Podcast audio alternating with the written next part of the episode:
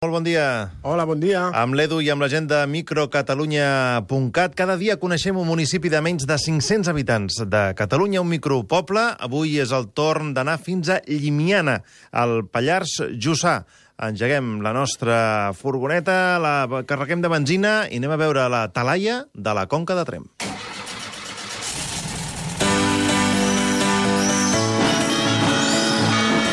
Viatgem per la microcatalunya.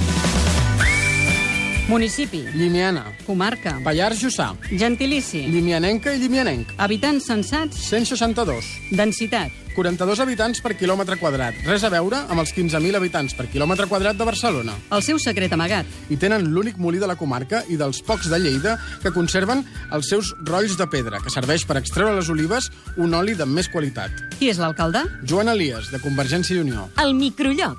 A Llimiana, Edu, i concretament a Masos de Llimiana, eh, hem llegit al vostre web que vau descobrir una de les poques protectores de cavalls que hi ha a Catalunya. Ah, Sí, exacte. Se n'encarrega la Eva Ferran i la protectora es diu ARRE, que vol dir Associació per la Recuperació i la Rehabilitació de Quins. I que, a més a més, doncs, ja coincideix, no?, que és aquest com Arri Arri, eh?, el nom de la- de l'associació.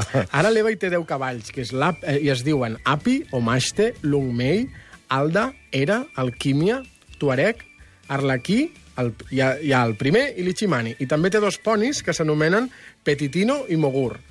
En comptes de persones, l'Eva passa més temps eh, de la seva vida amb animals, eh, com ara els, bueno, principalment els cavalls, però també amb gossos, gats, gallines, conills, i fins i tot hi té dins el seu mas una de les poques reserves naturals de cranc de riu autòcton que, que queden a Catalunya. L'Eva, a més a més, recull cavalls eh, abandonats o maltractats, oi? Sí, mentre no troben un nou destí, eh, ella els recull, en té cura i en practica la doma natural. Per fer possible tot això, l'entitat que ella dirigeix té el suport de diversos socis, és clar, i a la vegada funciona com una hípica i com un espai on anar a aprendre de, dels animals en, en, en, per grups que van a visitar. Si, si participeu d'alguna de les activitats que ella organitza, veureu, les, veureu la seva eh, particular manera de tractar, de tractar amb els cavalls. Per exemple, no els hi posa ferradures perquè diu que així pateixen menys i viuen més anys. De fet, és molt bonica la relació que té l'Eva amb, els, amb els seus cavalls. Té una relació molt íntima, el que s'acaricien i bueno, eh, es miren i, i sembla com que es comuniquin sense fer servir les paraules. A vegades, Arre també rep voluntaris que volen passar uns dies treballant a casa a canvi de menjar i d'allotjament. Per tant, aquest lloc que, que coordina l'EVA, on pots anar a muntar a cavall, també a aprendre dels animals, a veure, fer visites en petits grups, però fins i tot eh, fent de voluntari, doncs això que deia l'Edu, a passar uns dies allà ajudant, treballant, a canvi doncs això de, de menjar, de- d'allotjament, és important. Per tant, si en voleu saber més informació, tens alguna adreça electrònica, sí, Edu? Sí, gràcies, que me n'oblidava. laixaquima.com laixaquima.com La microimatge. La microimatge que ens porta avui l'Edu és eh, un paisatge espectacular amb aquest eh, cel ennuvolat i una vall preciosa. Sí, aquesta vall és la Conca de Trem, perquè eh, Llimiana està situada a dalt d'un cingle i té unes panoràmiques impressionants. Eh, des de dalt, mirant cap al sud, es veu la serra del Montsec i a, i a baix el pantà de Terradets. I mirant cap al nord, que és aquesta foto, veiem eh, tota la Conca de Trem i al fons, majestuosos, els, els Pirineus. De fet, aquesta foto l'hem portat perquè nosaltres vam, vam arrencar el nostre viatge pel sud, pel Montsià, i vam anar pujant, pujant per Tarragona i per Lleida, i va ser com vam passar la Serra del Montsec, que vam tenir, vam anar a Llimiana i vam tenir aquesta primera visió dels Pirineus. Va ser la primera vegada que vam veure la muntanya. I que, de fet, quan vas fer la fotografia encara es veu força neu aquí, al, als Pirineus, al fons de tot, eh? Sí, era, era ben bé la primavera. Eh, a més, deixa'm, deixa'm comentar que Llimiana és un poble on hi ha hagut de, un molí d'oli i de farina treballant a ple rendiment, però que ara, com que només hi viuen unes poques famílies durant l'any, el pa el porten de fora un, cops, un parell de cops per setmana. Allà vam, trobar un, vam conèixer un senyor, en Matías, que ens va fer de guia i ens va recordar l'època en què nevava fins a 50 centímetres i diu que va haver un any que fins i tot eh, Llimiana va estar 22 dies eh, de color blanc. 22 dies nevat a Llimiana, d'això ja fa uns anys, eh, però ara teniu una foto que pengem al Facebook, al Twitter del programa, en podeu veure aquestes panoràmiques de la Conca de Trem.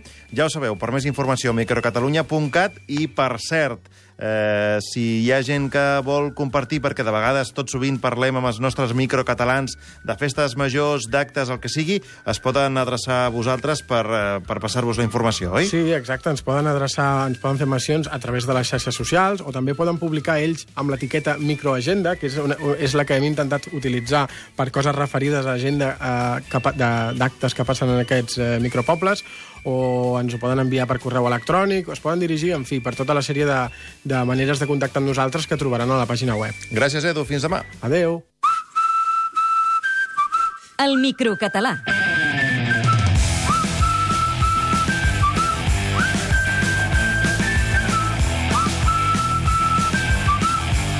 Avui és una microcatalana, és l'Anna Alemán, eh, escultora i forjadora. Anna, molt bon dia. Hola, què tal? Bon dia. Ets una de les poques persones que viuen tot l'any a Llimiana, oi? Sí, sí, sí. I, i com, com és això de viure en, en un poble tan, tan, tan petit?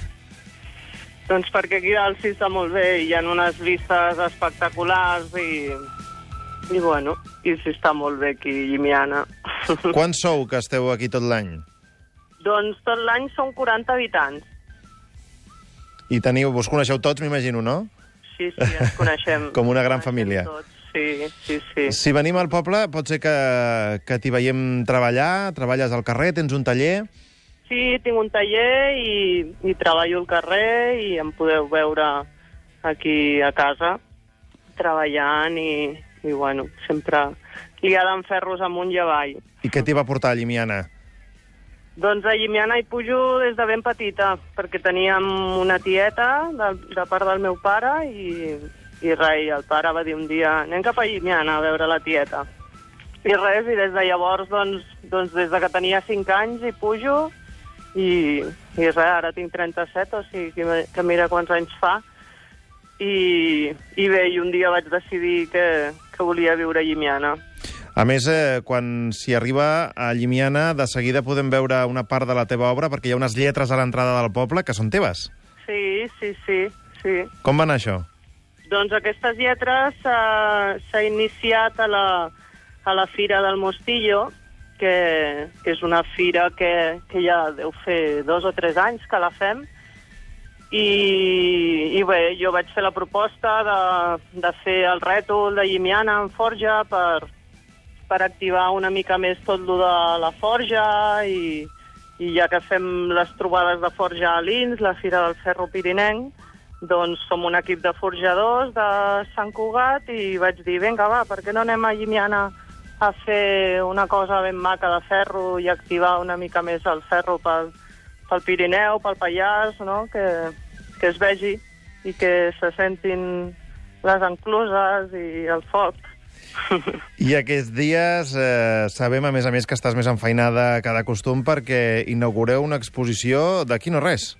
Sí, doncs aquest, aquest diumenge a les 10 inaugurem l'exposició a les 8 del vespre i, i res, també és d'una associació d'artesans del Pirineu que es diu Pirineu Art i també m'he embolicat aquí a portar tots els artesans i fer una exposició ben maca i, i bé, això, promoure l'art i, i, bueno, fer, demostrar no, tot el que fem i que som, que som molts artesans molt bons, que fem coses precioses i penso que s'ha que s'ha de veure. Perquè tu coneixes algú altre, alguna altra dona que treballi al ferro, que sigui ferrera com tu, a Catalunya? A Catalunya sí, n'hi ha alguna, algunes, algunes més. A Barcelona hi ha la Guillermina Morales i, i hi ha altres noies més, però, però bueno, són comptades. Si som, som tres i a la Fira del Ferro ara cada vegada apareixen més noies, que, que jo ja estic contenta perquè abans era l'única ferrera i ara doncs, bueno, em sento una mica més acompanyada. Ara ja, tinc, ja tens companyes de viatge.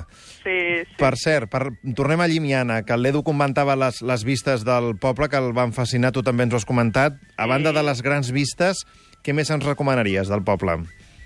Doncs recomanar-te que hi ha el museu del doctor Bonifaci i que era un home important d'aquí de Llimiana, que vivia aquí a Llimiana i era doctor, i recomanar-te l'església, que és preciosa, i, i bé, venir aquí a Llimiana, que s'hi està molt a gust, la gent és molt maca i, i tot és, és un poble molt familiar. Per cert, que també us diuen cipallesos o cipalleses. D'on ve aquest sobrenom per la gent de Llimiana? Aquest nom ve de, ve dels, de les primera gent que vivia aquí a Llimiana, que utilitzaven un calçat eh, que era d'una sola de cuir i portaven unes vetes, unes vetes lligades a les cames, així com les, com les espardenyes, vaja. Les espardenyes catalanes, Sí. doncs algo, algo similar. Molt bé, doncs avui hem parlat amb una, amb una cipallesa, amb una llimianenca, que és l'Anna Alemany, i que més és una de les poquetes ferreres que tenim al país. Anna, moltíssimes gràcies per atendre's. Molt bon dia. Gràcies a vosaltres. Adéu. Nosaltres, ara que són dos quarts de dotze del migdia, fem pausa i tot seguit parlem de com tenir un hort per ser feliç amb en Marc Estevez Casabós, que avui parlarem de les lleguminoses. Ja sabeu que podeu trucar-nos al 932017474 per fer-li preguntes. Fins ara.